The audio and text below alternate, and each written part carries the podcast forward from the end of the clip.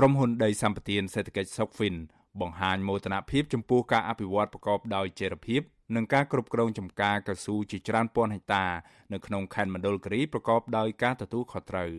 ក្រុមហ៊ុនអះអាងថាប្រតិបត្តិការរបស់ខ្លួនបានគ្រប់ច្បាប់ដែលកំណត់ដោយរដ្ឋាភិបាលកម្ពុជាយ៉ាងម៉ឺងម៉ាត់លើសពីនេះទៀតក្រុមហ៊ុនចាត់ទុកការចោទប្រកាន់របស់តំណាងជនជាតិដើមភាគតិចភ្នង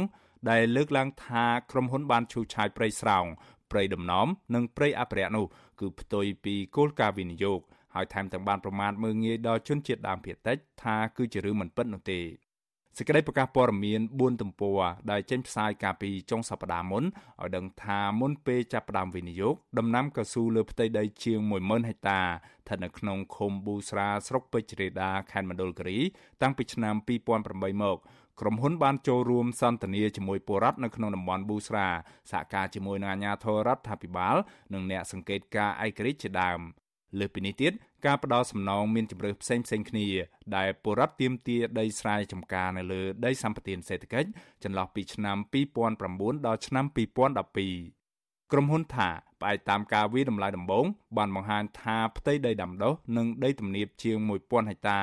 បានផ្ដល់សំណងជូនជនជាតិដើមភាគតិចភ្នងជាង1300ហិកតា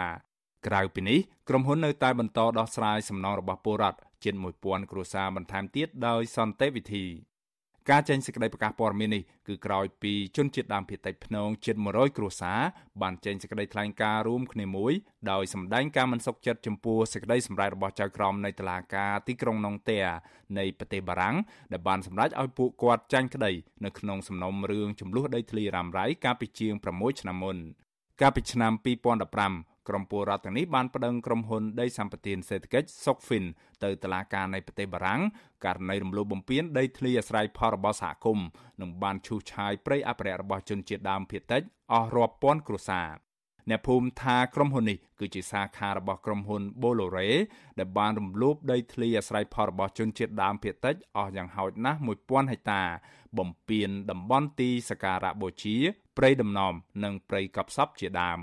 រីឯតំណាងសហគមន៍15នាក់ដែលបានចេញមកងើបតវ៉ាទាមទារដីធ្លីរបស់ពួកគាត់មកវិញ បានក្លាយជាជនរងគ្រោះជាប់បណ្ដឹងនៅតុលាការរហូតមកដល់សប្តាហ៍នេះតំណាងជនជាតិដើមភាគតិចភ្នំម្នាក់ដែលជាដើមបណ្ដឹងលោកក្លានថូលចាត់ទុកសេចក្តីថ្លែងការណ៍របស់ក្រុមហ៊ុននេះថាគឺជាលេសឆ្លើយដោះសារមិនទទួលខុសត្រូវពីកំហុសឆ្គងរបស់ក្រុមហ៊ុន ដែលបានបំផ្លិចបំផ្លាញព្រៃឈើព្រៃដំណំព្រៃកប់សព ដីចំការអ្នកភូមិនិងដីសមរភាពរបស់ជនជាតិដើមភាគតិចភ្នងដែលជាម្ចាស់ទឹកដី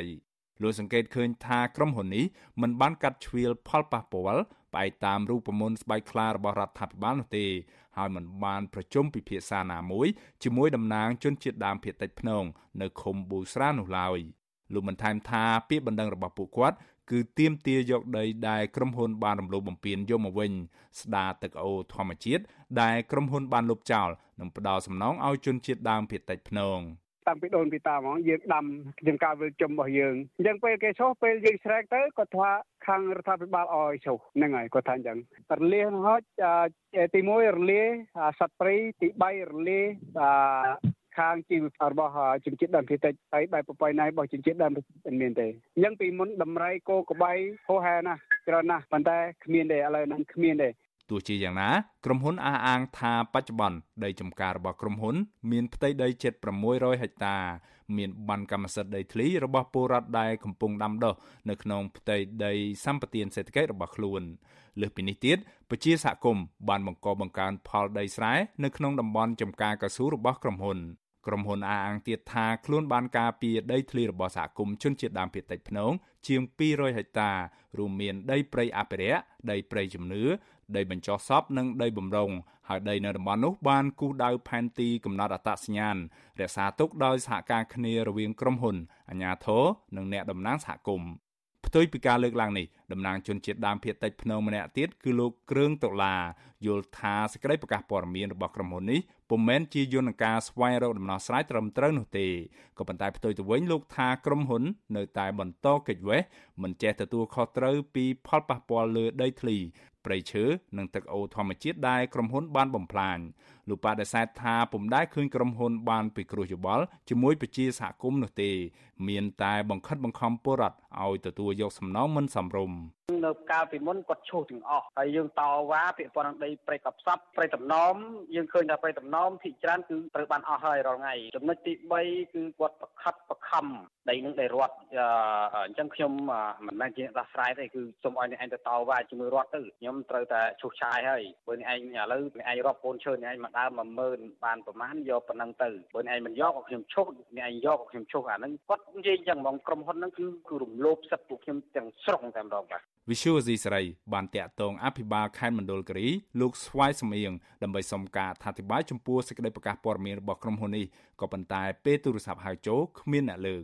ចំណែកឯអ្នកនាំពាក្យតឡាការខេត្តមណ្ឌលគិរីលោកមាសប្រុសវិញលោកថ្លែងថាបច្ចុប្បន្នដីមានចំនួននោះបានคล้ายទៅជាចំការកស៊ូរបស់ក្រុមហ៊ុនស្ទើរតែទាំងស្រុងទៅហើយលោកថាសំណុំរឿងក្តីដែលក្រុមហ៊ុនបានប្តឹងប្រជាសហគមន៍ចំនួន15នាក់ លោកនៅមិនទាន់ប្រកាសទេថាតឡាការអាចនឹងទម្លាក់បទចោទឬយ៉ាងណានោះទេព្រោះស្ថិតនៅក្នុងដៃចក្រមនៅឡើយសហគមន៍ថាក្រុមហ៊ុន Sokfin ទទួលបានថវិកាវិនិយោគពីក្រុមហ៊ុន Bolore ដែលមានទីស្នាក់ការនៅប្រទេសបារាំងហើយទទួលសិទ្ធិវិនិយោគដាំដំណាំកៅស៊ូនៅលើផ្ទៃដីជាង10000ហិកតាស្ថិតនៅក្នុងឃុំប៊ូស្រាស្រុកពេជ្ររាដាខេត្តមណ្ឌលគិរីតាំងពីឆ្នាំ2008មក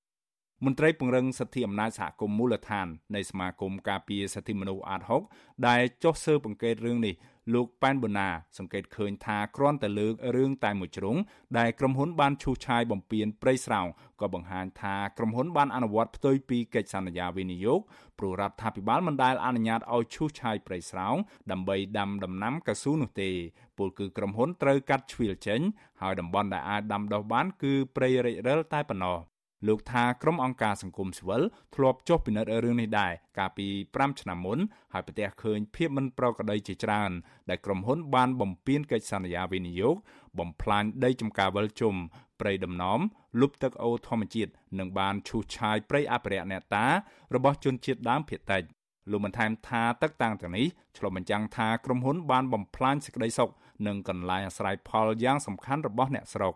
ដើមកស៊ូចំការវិញទៅដោះដូរជាមួយដីពាក់កណ្ដាលស្រោងព្រៃស្រោងនេះខ្ញុំបីថាដីព្រៃរីទៅបានសិក្សាតាមច្បាស់លាស់ថាតើដីនឹងនៅបម្រើប្រយោជន៍សាធារណៈទៀតអត់ហើយដែលខ្ញុំបានចុះទៅបានឃើញពីផ្ទុយពីគោលការណ៍សម្បត្តិសេដ្ឋកិច្ចពីព្រោះការធ្វើសម្បត្តិសេដ្ឋកិច្ចគឺធ្វើនៅលើដីរិទ្ធិដើម្បីឲ្យព្រៃឈើរបស់ព្រៃឈើនឹងមានការកែឡើងបានដើម្បីរក្សាបរិស្ថានកន្លងមក តឡាការទីក្រុងណង់ទែនៃប្រទេសបារាំងបានសម្រេចឲ្យតំណាងជនជាតិដើមភាគតិចភ្នង9រូបផ្ដល់សំណង20,000ដុល្លារអាមេរិកឲ្យក្រុមហ៊ុន Sokfin ក្រុមហ៊ុនអះអាងថាសកម្មភាពផលិតកម្មកៅស៊ូរបស់ក្រុមហ៊ុន បានផ្ដល់អត្ថប្រយោជន៍ជាច្រើនដល់បុគ្គលិកម្ចាស់សហគ្រាសកៅស៊ូខ្នាតតូច និងសហគមន៍ដើម្បីជួយលើកកម្ពស់ជីវភាពរស់នៅរបស់ពួកគេ ទន្ទឹមនឹងនេះ ក្រុមហ៊ុនអះអាងថាបេសកកម្មរបស់ខ្លួនគឺដើម្បីចូលរួមចំណែកដល់ការអភិវឌ្ឍសេដ្ឋកិច្ចនិងសង្គមរយៈពេលវែងនៅតំបន់ជនបទដាច់ស្រយាលនៅក្នុងខេត្តមណ្ឌលគិរីក៏ប៉ុន្តែប្រជាសហគមន៍លើកឡើងថាដីព្រៃដែលក្រុមហ៊ុនកំពុងឈូសឆាយបំផ្លិចបំផ្លាញទាំងនោះគឺជាព្រៃស្រោងជំរកសត្វព្រៃរស់នៅរុក្ខជាតិកម្រនិងជាប្រភពចំណូលរបស់សហគមន៍ខ្ញុំបានមេរិត Visual C ស្រីរាយការណ៍ពីរដ្ឋធានី Washington